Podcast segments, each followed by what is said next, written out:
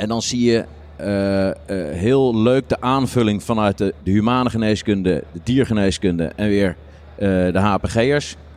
Uh, dat het populatiedenken en epidemiologisch, hoe verspreidt zich bepaalde, hoe, hoe, verspreidt zich de ziekte, dat dat een super mooie aanvulling op elkaar is. Het ministerie van Defensie, een bedrijf met gepassioneerde, trotse en talentvolle mensen. In deze podcast verbinden wij deze mensen zodat ze samen sterker worden.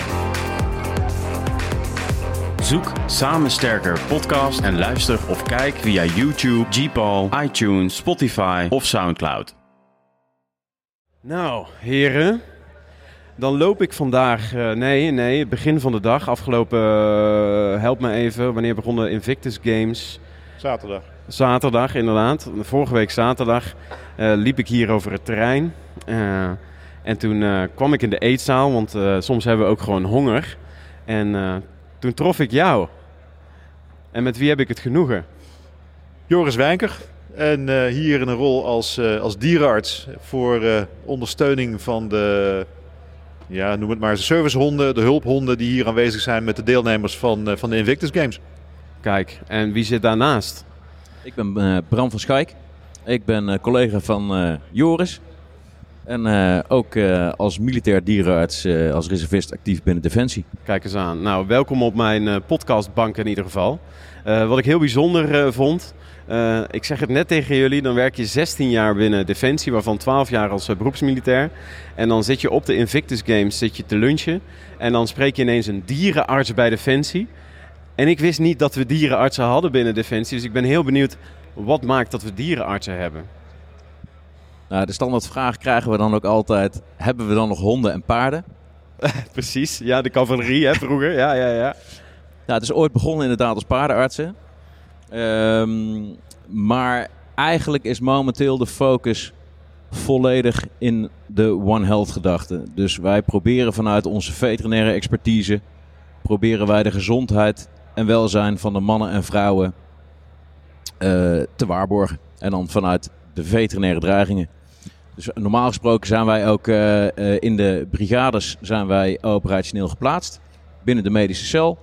Uh, en samen met de HPG'er en de brigadearts proberen wij zo goed mogelijk uh, uh, de gezondheid en welzijn te waarborgen. Dus het gaat over veterinaire volksgezondheid ja, ja. en voedselveiligheid. En, en kun, je dat, kun je dat eens ondertitelen? Want ik, ik heb denk ik er wel beeld bij. Hè? Ik denk dat we daar ook uh, voor gevaccineerd worden en zo. Nou, ik noem maar, altijd één concreet voorbeeld. Volgens mij... Ah, lekker. Lekker bakje koffie. Heerlijk. um, ik noem altijd één concreet voorbeeld. Het is handig dat uh, voordat we met z'n allen naar Mali gingen... Dat, het, dat er iemand nadenkt over dat er nog tuberculose bij koeien voorkomt. En wat je kan doen en wat je vooral moet laten om te voorkomen dat er een TBC-uitbraak binnen onze club uh, optreedt. Ja. En zijn jullie er altijd geweest? Is dit, is dit altijd standaard binnen Defensie dat hier aandacht voor is geweest? Nou, tot 19 pak een beet 74 waren de beroepsdierenartsen binnen het Nederlandse leger. Uh, waar voor de Tweede Wereldoorlog de focus lag nog steeds op de, op de paardenarts. Ja. Uh, is, is na de Tweede Wereldoorlog de mechanisatie van het Nederlands leger is eigenlijk de focus verschoven naar uh, dat, dat domein van, van volksgezondheid. Waarbij een dierenarts veel meer inging op de, op de dreigingen die voor militairen ook van toepassing zijn, met name vanuit het milieu. Ja. Ehm, er was een, een, een hygiëneschool in Neerijnen en die is in 1974 is die gesloten met het pensioen van de toenmalige kolonel dierenarts Braak. En daarna is die rol van beroepsdierenarts eigenlijk nooit meer ingevuld geweest. Er zijn natuurlijk uh, dienstplichtig militairen geweest die opkwamen voor een nummer. Die op die manier nog wat hebben gedaan voor uh, met name voedselhygiëne. Uh, maar dat is eigenlijk door de jaren heen steeds minder genomen. Ook omdat het niet nodig was. Want zeker in de jaren 70, Koude Oorlog, was er geen expeditionaire rol meer van het Nederlandse leger noodzakelijk. We wisten waar de vijand vandaan kwam. En pas in de jaren 90 en, en begin dit, dit millennium, begin deze eeuw, kwam de focus eigenlijk weer terug op um, uh, die, die, die volksgezondheid waar een dierenarts van toegevoegde waarde kunnen zijn. En dat is ook de, de opdracht geweest voor aan onze collega eh Bas Steltepol van, van toenmalig eh, generaal de Kruif. Van zet weer die groep militaire dierenartsen weer neer binnen de staande organisatie van de krijgsmacht. En dan praat je over 2009, 2010. Ja. En eh, dus heel kort na die start zijn, zijn Bram en ik ook, ook er weer bijgekomen als, als reservist. Eh, om, om dus invulling te geven aan die rol. En dat, dat zijn we dus de afgelopen tien jaar eigenlijk nu actief eh, zijn we dat aan het invullen. Nu ben je zeg een jaar of 15, 16, 17, 18 jaar oud. En dan denk je, wat ga ik doen? Dan zou het kunnen zijn dat je denkt, ik word dierenarts. En ineens beland je binnen het ministerie van Defensie. Hoe gaat Ik zie Bram lachen. Hoe, vertel eens, hoe, hoe is dat gegaan? Nou, ik ben als, eh, als spijkerbroek, zullen we zeggen, ben ik groen gespoten. Ehm, dus wat Joris al zei, eh, onze eh, nou ja, groepsoudste, kolonel Steltepol, ehm, die benaderde mij. Die kende ik ook nog vanuit de studie. En eh, langzaamaan ben ik uit de praktijk gegaan. Dus ik werk niet meer als dierenarts practicus. Eh, maar ik ben het bedrijfsleven ingegaan en ik was zelf op zoek om weer met mijn originele kennis wat meer toegevoegde waarde en zingeving eh, te geven. Eh, dus wat, wat terug te geven aan de maatschappij. Nou, de combinatie met veterinaire expertise eh, binnen een club als Defensie. Ja, als ik, ja, toen ik die kans kon, kon, kon grijpen, toen ben ik daarvoor gegaan. Dus ik heb gewoon een verkort AMO-traject gedaan, een verkort IRO-traject gedaan. En vervolgens actief worden. Ja, en hoe was dat voor jou? Eh, ik ben nog van de dienstplichtgeneratie. Ja. Eh, 89-2 opgekomen als eh sergeant geneeskundige troepen.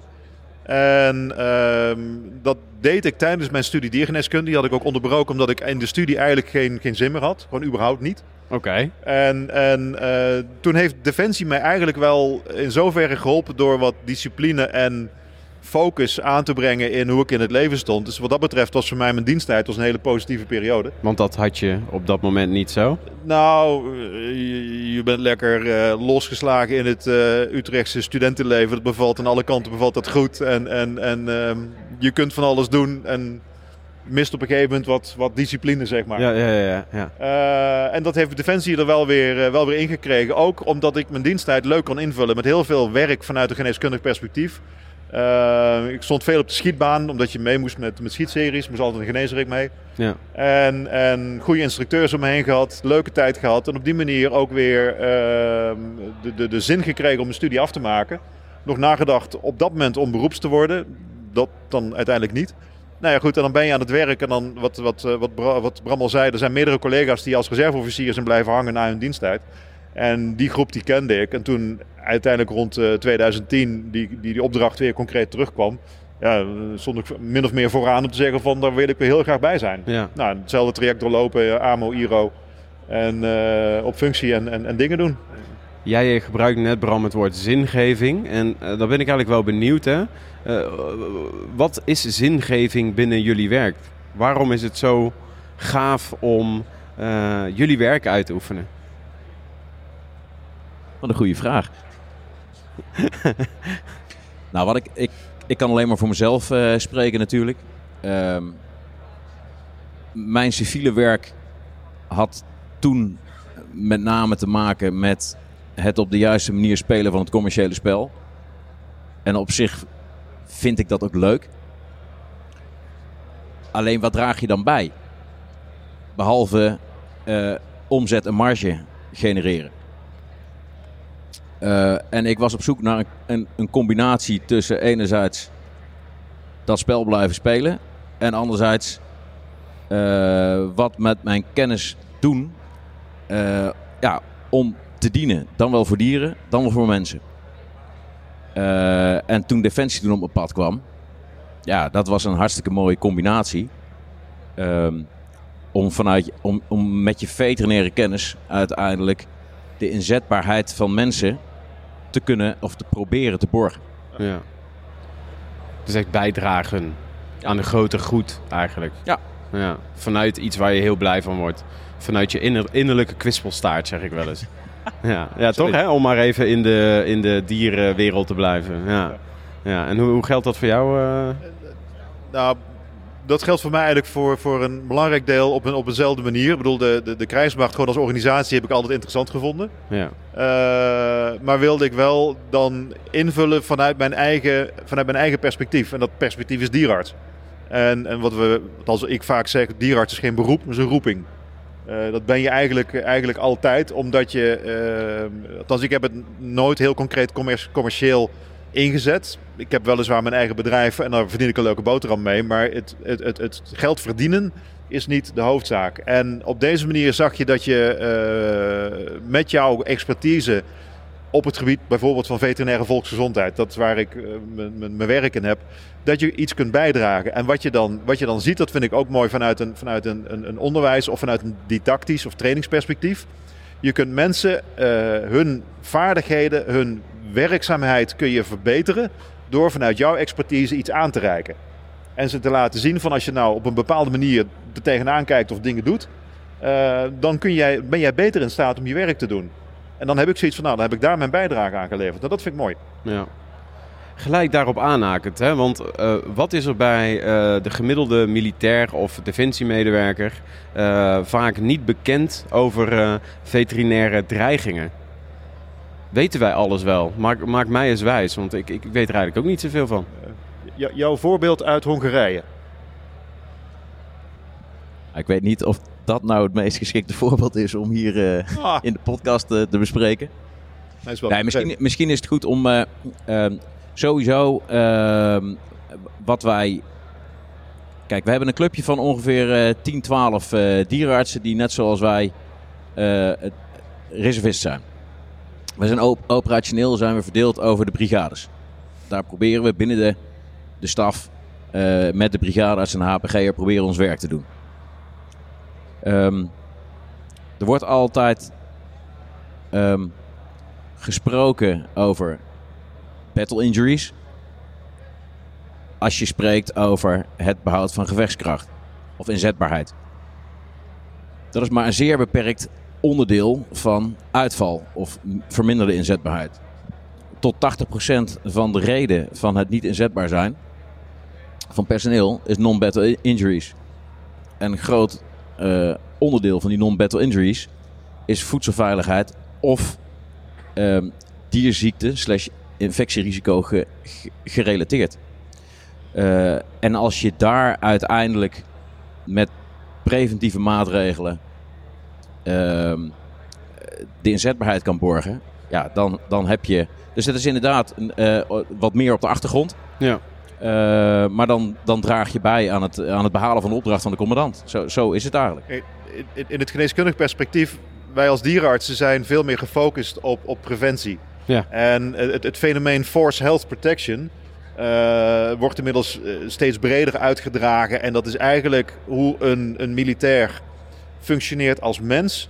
Uh, vanuit voeding, training, opleiding, dat hij, dat hij goed uh, uh, beslagen ten ijs gaat op het moment dat hij wat dan ook gaat doen.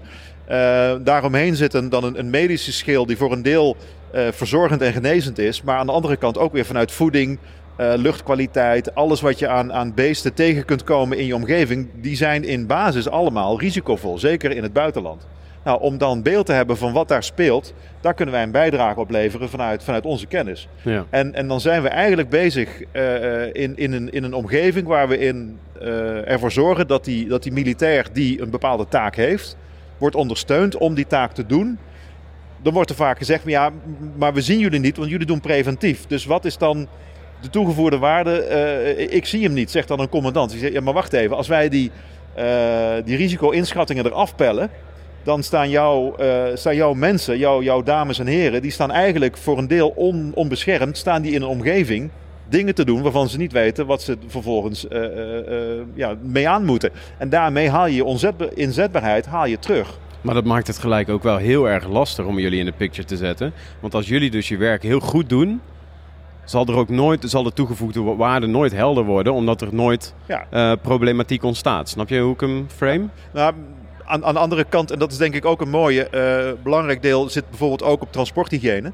Wat wij doen als groep militaire dierenartsen samen met de HPG'ers, is ervoor zorgen dat besmettelijke dierziekten die in het buitenland voorkomen, ook daar blijven. Bijvoorbeeld nu met de inzet in Roemenië Uh, Roemenië is al jarenlang uh, met de Afrikaanse varkenspest belast. En daarmee uh, exportpositie nul. Omdat alle zieke varkens, alle producten die eruit komen, die mogen wereldwijd niet verhandeld worden. Ja. Nou, dat is een ziekte die wij absoluut Nederland erbuiten willen houden.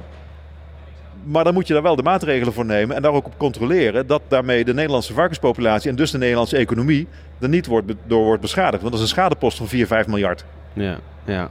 Dan kun je toch een behoorlijke tank voor kopen. Ja. Jeetje, wat interessant, heren. Ik, echt, ik leer weer allemaal nieuwe... En dat vind ik dus leuk, hè, door zo'n podcast. Ik leer weer allemaal nieuwe dingen. En, en wat ik me dan ook afvraag, hè, ik zit hem al heel... Ik, hij is misschien nu niet helemaal gepast in de verhaallijn, maar... Als je dierenarts wordt, dan wil je toch eigenlijk gewoon dieren behandelen, toch? Ik had nooit gedacht aan, uh, veterinaire dreigingen en dergelijke voordat ik dit gesprek aanging. Nou, het grappige is, uh, um, je hebt binnen diergeneeskunde heb je ook gewoon de verschillende eh, deelgebieden. En als je meer de gezelschapsdierensector ingaat, als je diergeneeskunde studeert, dan word je meer zoals de humane artsen ook bezig zijn, zieke dieren beter maken. En natuurlijk heb je daar ook een preventieve en adviserende rol in binnen de gezelschapsdieren. Maar dat is wat meer gelinkt aan, uh, of heeft meer parallellen met humane geneeskunde. Als je uh, de landbouwhuisdierenkant doet, dus de meer de agrarische kant, dan zit je veel meer op populatieniveau. Het preventieve kant, uh, kwaliteitsborging, ketenkwaliteitssystemen, um, voedselproductie. Het gaat eigenlijk hoe hard dat soms misschien ook klinkt, het gaat niet meer om het individuele dier. Dat is zo interessant niet meer. Het gaat erom om de koppel gezond te hebben en te houden. Ja. En misschien is dat een leuk voorbeeld inderdaad vanuit uh, 1 GNC. Hebben wij een aantal NAVO-oefeningen nou mee mogen draaien als medical intelligence binnen de metcel. Ja. Um, en dan zie je uh, uh, heel leuk de aanvulling vanuit de, de humane geneeskunde, de diergeneeskunde en weer eh, de HPG'ers. Ehm, dat het populatiedenken en epidemiologisch, hoe verspreidt zich bepaalde, eh, eh, hoe, hoe, verspreidt zich de ziekte, dat dat een super mooie aanvulling op elkaar is. Ja. ja. Dus op zich is de parallel terugkomend op je vraag. Ja. Um, in eerste instantie, als je begint met diergeneeskunde, zou het wellicht onlogisch zijn. Als je op een gegeven moment voor de landbouwhuisdierenkant en de veterinaire volksgezondheidskant kiest, dan is het op zich niet zo heel vreemd. Maar binnen het diergeneeskundige wereldje is het ook bijzonder dat wij als militair, als dierenarts, ehm, werkzaam zijn. Dus af en toe binnen de veterinaire kant krijgen we ook vragen van wat doen jullie dan helemaal staan binnen Defensie? Dus uh, nou ja, ook daar proberen we het af en toe uh, toe te lichten. Ja. Kijk, en er zijn daarnaast, uh, daar zit ik zelf dan ook bij, er zijn verschillende dierenartsen bijvoorbeeld gericht op de cavalerie ereskorten en de, de brede marechaussee maar dat is dan specifiek op de paarden ceremoniële inzet. Wij hebben ook met, met onze groep opgeleid en, en getraind de, de mariniers voor de, het gebruik van tactical pack animals. Dus het gebruik van lastdieren in on, onherbergzaam terrein waar je met voertuigen niet kunt komen. Nou, dan kan zo'n zo'n 80 kilo of 100 kilo aan, aan munitie of wapensystemen kun je op je eigen nek nemen. Ja. Maar je kunt hem ook uh, op een fatsoenlijke manier op een uh, lokaal uh, gehuurde ezel of lama knopen. En daarmee een bergpas oversteken. Maar dan moet je wel weten hoe je dat dier verzorgt. En hoe je dat op een goede manier gebruikt. Dat het dier het ook overleeft. Jeetje zeg. Um, Dit is wel gaaf hoor, we, we, we, we, denken na en we, we helpen ook de inzet van militaire werkhonden. Die in uh, specifieke inzet met, met special forces of, of mariniers of uh, 11 luchtmobiel worden ingezet. Of vanuit de bewaking van, van terreinen door uh, de luchtmacht of DBBO. daar assisteren we ook en denken we ook over na om die dieren gezond te houden. Ja, dat is, het, het, is wel echt breed hoor. Ik, ik, ik had daar echt niet bij stilgestaan. Hè. Ik ben ook echt. dus echt een. Ja, sorry, andere podcastgasten. Maar ik ben, ik ben echt zo enthousiast. Omdat ik dan niet bij stil heb gestaan. Dat dat zo breed is wat jullie eigenlijk doen. Ja. Jungle training en Belize. Ja. We hebben ook uh, de voedselveiligheidsborging uh, uh, geprobeerd verder te helpen. Dus eer, in eerste instantie is het handig als je onderwezen krijgt hoe je levende haven vangt op een nette manier slacht en vervolgens klaarmaakt om te eten, dat je ook kan herkennen dat het veilig is om te eten. Ja. Dus in eerste instantie hebben we een club hebben we meegenomen om te onderwijzen, van, om te herkennen wat is, hoe zou het er normaal uit moeten zien en hoe ziet het er afwijkend uit. om een soort signaalfunctie te hebben. hey, dit moet ik misschien niet eten. En vervolgens eh, is er één collega meegegaan, daadwerkelijk in Belize. En die heeft daadwerkelijk daar de club onderwezen eh, eh, wat wat is. Eh, hoe het eruit ziet of hoe het eruit hoort te zien. Ja. Eh, en als het dan vervolgens klaargemaakt wordt, eh, of het veilig is om te eten of niet. Ja. Ik kan mij nog heel goed herinneren dat ik... ehm, ik weet niet of jullie dat ooit mee hebben gekregen. Wij zijn toen ook nog volgens mij in het nieuws geweest. Dat was echt heel vervelend, omdat de media dat toen opgepakt heeft. Misschien moet ik het ook helemaal niet zeggen nu.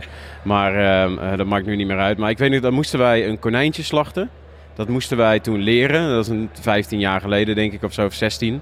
Ehm, en toen kwamen wij heel negatief in het nieuws dat we eh, dieren mishandeld zouden hebben. Ik weet niet of jullie dat eh, ooit gehoord hebben. Dat was toen groot in het nieuws. Eh, ja, dat was natuurlijk helemaal niet waar. wij hadden gewoon een oefening en moesten op een, op een is dat, zeg ik dat goed, humane manier... moesten wij dat doen om te kunnen overleven. Want dat hoorde bij die oefening. En ik kan me eigenlijk niet herinneren dat er toen mensen zoals jullie waren... die toen ook keken, is het dan wel veilig om het te eten? Maar misschien zijn die er toch... Ik was toen soldaat, dus ik- 15 jaar geleden misschien nog niet. Nee. maar zijn er mensen aan ziek geworden of overleden? Nee. Nee. nee. Nee, helemaal niet. Nee, nee. Maar dat hoorde bij die oefening. Volgens mij was dat bij Luchtmobiel toen dat ik dat deed. Maar eh, dat hoorde erbij. Dat was een overlevingsweek. En daar moest je dan zelf een keer een dier slachten en opeten. Ja. Ja. Ja, maar de, het idee daarachter is niet dat we jou of jouw collega's staan opleiden tot mini-dierenartsjes. Maar ehm, eh, als, het, als je het warm slacht, dat wil zeggen, dan is het een levend dier geweest.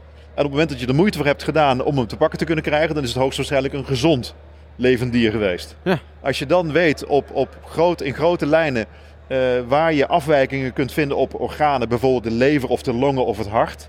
En als die er ogenschijnlijk goed uitzien, dan is het eten van het spiervlees is, is in, in, in, in grote mate is dat verantwoord. Nou, als je hem dan uit elkaar kunt halen zonder dat je het eh, karkas bezoedelt, doordat je het maag- of darmpakket aan, aanprikt. Vervolgens weet hoe je het klaarmaakt op een, op een eh, eigenlijk steengrillen in, het, in, de, in, de, in de open lucht. Eh, mooi dun en, en langdurig goed verhitten, net zoals met water. Dan kun je dat heel prima, kun je dat eh, mensen leren die daar inhoudelijk eh, nog weinig eh, kennis over hebben. Maar je kunt het als vaardigheid kun je het wel Ja. aanleren. Ja. En dat is voldoende. En dan, dan leer je op een veilige manier omgaan met, met producten die je uit je omgeving kunt, kunt vinden. Ja. Zodat je het een tijdje kunt volhouden zonder dat je ontdekt wordt. We gaan dit stukje gaan we gewoon eruit knippen. En dat gaan we naar al onze special forces, mariniers, landmacht, infanterie sturen. Want dit is natuurlijk geniaal. Hè? D- dit wist ik niet. En ik heb het altijd gewoon een beetje ja, in goed vertrouwen. Want de sergeant, de luitenant of de kapitein weet het wel. Hè? En eh, ja, wel heel gaaf dit, Ja. mannen. Ja, maar maar ja. dit, is, dit is eigenlijk expertise die wij eh, opdoen tijdens onze, onze algemene opleiding als dierenarts. We hebben, hij kon er helaas vandaag niet bij zijn. Dat is een, een oud beroepsmarinier, dierenarts geworden, geworden en hij is nu terug als reservist. Eh, die heeft die Belize training meegemaakt. Eh, en dit zijn dingen die wij gewoon kunnen. Ja? En dat is, dat is dan zo gaaf dat we dan op dat vlak zoiets essentieels qua voeding eh, mensen kunnen helpen om, om daar hun vaardigheden mee te, te verbeteren, zodat ze daarmee hun werk kunnen uitvoeren. Tof. Ja, dat is gaaf. Ja. Hey, en even het gaafgehalte misschien nog een beetje meer vuur geven. Ik kan het me bijna niet voorstellen. Maar wat doet de dierenarts aan innovatie? Want we zitten hier op de meest adaptieve bank van eh, de Nederlandse krijgsmacht. Dus eh, misschien doe ik jullie nu tekort. Maak mij wijs. Aan innovatie. Ja, ja. Ehm, oh, dat, is, dat is leuk, want dat, dat is heel, het, het is met name kennisinnovatie. Dat is de, de ontwikkelingen die wij als, als civiele dierenarts in onze verschillende eh, werkomgevingen ehm, eh, opdoen. Dat Defensie niet schroomt om daar gebruik van te maken. Kijk, qua productinnovatie eh, is er niet zoveel. Omdat heel veel eh, wat we werk, wat we doen, is vanuit bestaande systemen. Maar eigenlijk durf de, eh, voor ons dus, voor onze beroepsgroep gesproken, durft de dierenarts te zien als een capabele persoon met toegevoegde waarde voor het dagelijks functioneren van de krijgsmacht. Als je die stap durft te maken, dan zijn wij als, als reservisten heel breed inzetbaar. Want we doen relatief weinig oefeningen, maar wat we meedraaien aan oefeningen is voor ons een non-ex. Dan is het ook gericht op een bepaalde taak, omdat die ondersteunend is aan de uitvoering van de oefening. En Ja. dat is denk ik iets wat, wat door heel veel mensen niet of, of weinig wordt gezien. Mhm. We draaien, we doen heel veel werk, allemaal direct in de, in de bedrijfsvoering ondersteuning. Ja. Eh, het keuren van voertuigen voor uitzending naar, naar wat van dan ook. We hebben ook veteranen binnen onze groep rondlopen. die een tijd in Afghanistan hebben gezeten. of een missie hebben gedraaid in Turkije of Litouwen. of, of met grote oefeningen mee. Ja. Ja, dat doen we, omdat we dan op die manier eh, niet onze eigen vaardigheden aan het, aan het eh, oefenen zijn. maar we zijn aan het bijdragen aan het grotere geheel. Wat zouden jullie nodig hebben? Stel dat jullie een dag, eh, nee een week ehm, eh, op de stoel van de CDS zouden zitten. En je zou dan jullie vakgebied ehm, eh, mogen herinrichten, dan wel verbeteren. Wat, zouden dan, wat zouden jullie dan het liefst willen doen? Ehm, ik denk voor een belangrijk deel de, de, de zichtbaarheid. Dus geef ons de, de plek in de organisatie eh, die we nodig hebben om aangezien te worden, maar ook om voor inhoudelijk de aansturing eh, te kunnen geven naar eh, de uitvoering. Maak ons deelgenoot van de discussie op plan, planningsniveau, voorafgaand aan een oefening. Wat heb je nodig vanuit dat veterinaire volksgezondheidsperspectief? Uh, waar kunnen wij een bijdrage toe leveren? Dus voor, eigenlijk voor een heel groot deel is het zichtbaarheid. Want wij Ja. hebben gruwelijk veel kennis door uh, alle, alle gelederingen heen. Ja. Uh, maar worden eigenlijk weinig, weinig gezien uh, in de uitvoering van, van onze werkzaamheden. En dat zou ik graag verbeterd willen zien. En dat is wel mooi dat je, dat je op operationeel niveau worden we zeker gezien. Want de samenwerking met de brigade is hartstikke leuk. Um, zeker binnen OCL binnen 13, binnen 11 en uh, 43. Uh, ja, dat, en dat, dat is het risico met het werken met, met reservisten en met wisselende stoelen. Is dat het uh, af en toe ook wisselt met intensiteit van samenwerkingen. Dus uh, mijn punt zou zijn, als ik een weekje CDS zou zijn, borg de veterinaire expertise in de staande organisatie. Ja. Dus laat het wat minder afhankelijk zijn van reservisten ja. en rolerende staande stoelen. Ja, ja mooi. Hey, um, als laatste, als afsluiting, um, waar zijn jullie het meest trots op als jullie kijken naar jullie vakgebied? Wat jullie misschien persoonlijk gedaan hebben of misschien als groep gedaan hebben? Well, um, ik denk dat het terugkomt naar uh, waarom wij hier zijn met Invictus Games. Dat je, dat je rondloopt en dat je eigenlijk wordt aangesproken door een Amerikaanse deelnemer met zijn hond. En die zegt, mijn hond heeft uh, pijn op zijn poot. En dat je dan hier kunt zijn en daar dan uh, kunt kijken of dat er iets aan de hand is met die hond. En hem, dan eigenlijk het mooie is dat je hem daarmee direct gerust stelt. Uh, van met mijn hond is alles goed. En ik kan gewoon hier deelnemer zijn. En over de zorg van mijn dier wat bij mij is, waar ik de verantwoordelijkheid voor heb, hoef ik me niet te kommeren. Dat, dat is voor mij een krent in de pap deze week. Mooi. Mooi. Dat is dus eigenlijk niet zo groot. Dus ja. eigenlijk uh, uh, een hele kleine actie met een hele grote impact. Um, uh, voor, specifiek voor mensen eigenlijk. Ja. Dat je zo, zo van dienst kan zijn. Als, ja. ik, als ik een voorbeeld mag noemen, um, waar ik als groep. Het, uh, nou ja, er zijn een aantal hoogtepunten, maar waar ik, waar ik wel echt trots op ben. Was toen die oefening bij 1 GNC in Noorwegen. Er, was een, een um, er werd een scenario doorleefd. We hebben achteraf wel eens gezegd in een onderling uh, appgroep. Eigenlijk hebben wij de hele coronasituatie hebben wij twee jaar eerder doorleefd. Met z'n allen, daar in Noorwegen. Um, toen der tijd was uh, de overste Blauwendraad. Die heeft toen voor de eerste keer een aantal dierenartsen als me medical intelligence uh, in zijn club meegenomen. Om uit te proberen om te kijken of het een meerwaarde was binnen zijn, binnen zijn groep. En wij hebben een, wat achteraf bespreken was, een measles-like virus uitbreek, uh, uitbraak. Ja. Dus een virus wat gelijk, gelijkend, of, ja, leek op het, uh, het mazelen uh, um, virus. Die uitbraak hebben wij, zo maar zeggen, opgewerkt, doorberekend en teruggerapporteerd naar de staf. Wat uiteindelijk tot en met toenmalig generaal van der Laan een eye-opener was dat het zo snel kon gaan met zo'n enorme impact op de gevechtskracht. Ja. Dat het een showstopper zou zijn geweest. Dus in één keer hadden we op allerlei vlakken, op allerlei gebieden, hadden we de meerwaarde van veterinaire expertise uh, neer kunnen zetten. En dat uh, als groep. En dat uh, nog steeds hebben we daar ja, ben ik daar wel trots op. Ja. Dat is Eigenlijk zijn jullie gewoon non-battle injuries verkenners. Ja. Toch? dat is Nou, een mooi verwoord. Ja, Ja, toch? Ja. We, we hebben denk ik wel heel goed in beeld eh, eh, wat zoal op je afkomt. Ja. En hoe je daar eh, op, een, op een goede manier mee om kunt gaan. Dat denk ik twee, tweeledig. Ehm, we kunnen een inschatting maken met betrekking tot een risico wat je loopt. Maar we zeggen niet dat je dat risico niet mag lopen. Maar wees erg op beducht dat als je dat ehm, eh, inzetkracht of doorzettingsvermogen gaat kosten Ja. voor een actie, eh, prima. Dan bouw je daar een reserve voor in. Of dan haal je een reserve eh, er naartoe om het te kunnen doen. Want als jij bijvoorbeeld met een norovirus uitbraak, is een hele besmettelijke buikgriepachtige omstandigheid. ehm, dan is jouw eenheid ligt dan op zijn gat. Of zit op zijn hurk in de bosjes. Maar is in ieder geval niet inzetbaar. Ja. Ehm, maar als je dat van tevoren weet en dat je dat risico kunt tackelen, of vanuit preventie, of kunt zeggen van nou, we, we gaan dat risico aan met voldoende mensen en, en daarmee een doorzettingsvermogen, dan, heb je, dan ben je wel in staat als commandant om jouw opdracht uit te voeren. Yes. Moet je hem wel van tevoren in de gaten hebben, want word je gepakt, dan sta je inderdaad met je broek op je enkels. Ja. ja. En dat is niet fijn. Nee. Heren, ik vind, eh, ik vind dat jullie prachtig werk doen. Eh, eh, wederom, ik heb er niet bij stilgestaan. Dus dat maakt ook dat ik blij ben dat ik aan jullie wens voor meer zichtbaarheid in ieder geval een beetje bij heb mogen dragen. Dus laten we ook goed met elkaar in gesprek gaan hoe we dit verhaal eh, zo breed mogelijk kunnen eh, publiceren. Daar hebben we het zo nog even over. En dan ga ik even eh, misschien een beetje een grappige vraag stellen. Jullie zijn beide dierenarts. ik bedenk me net. Als je een dier zou mogen zijn, wat, voor, wat voor dier zou je dan zijn?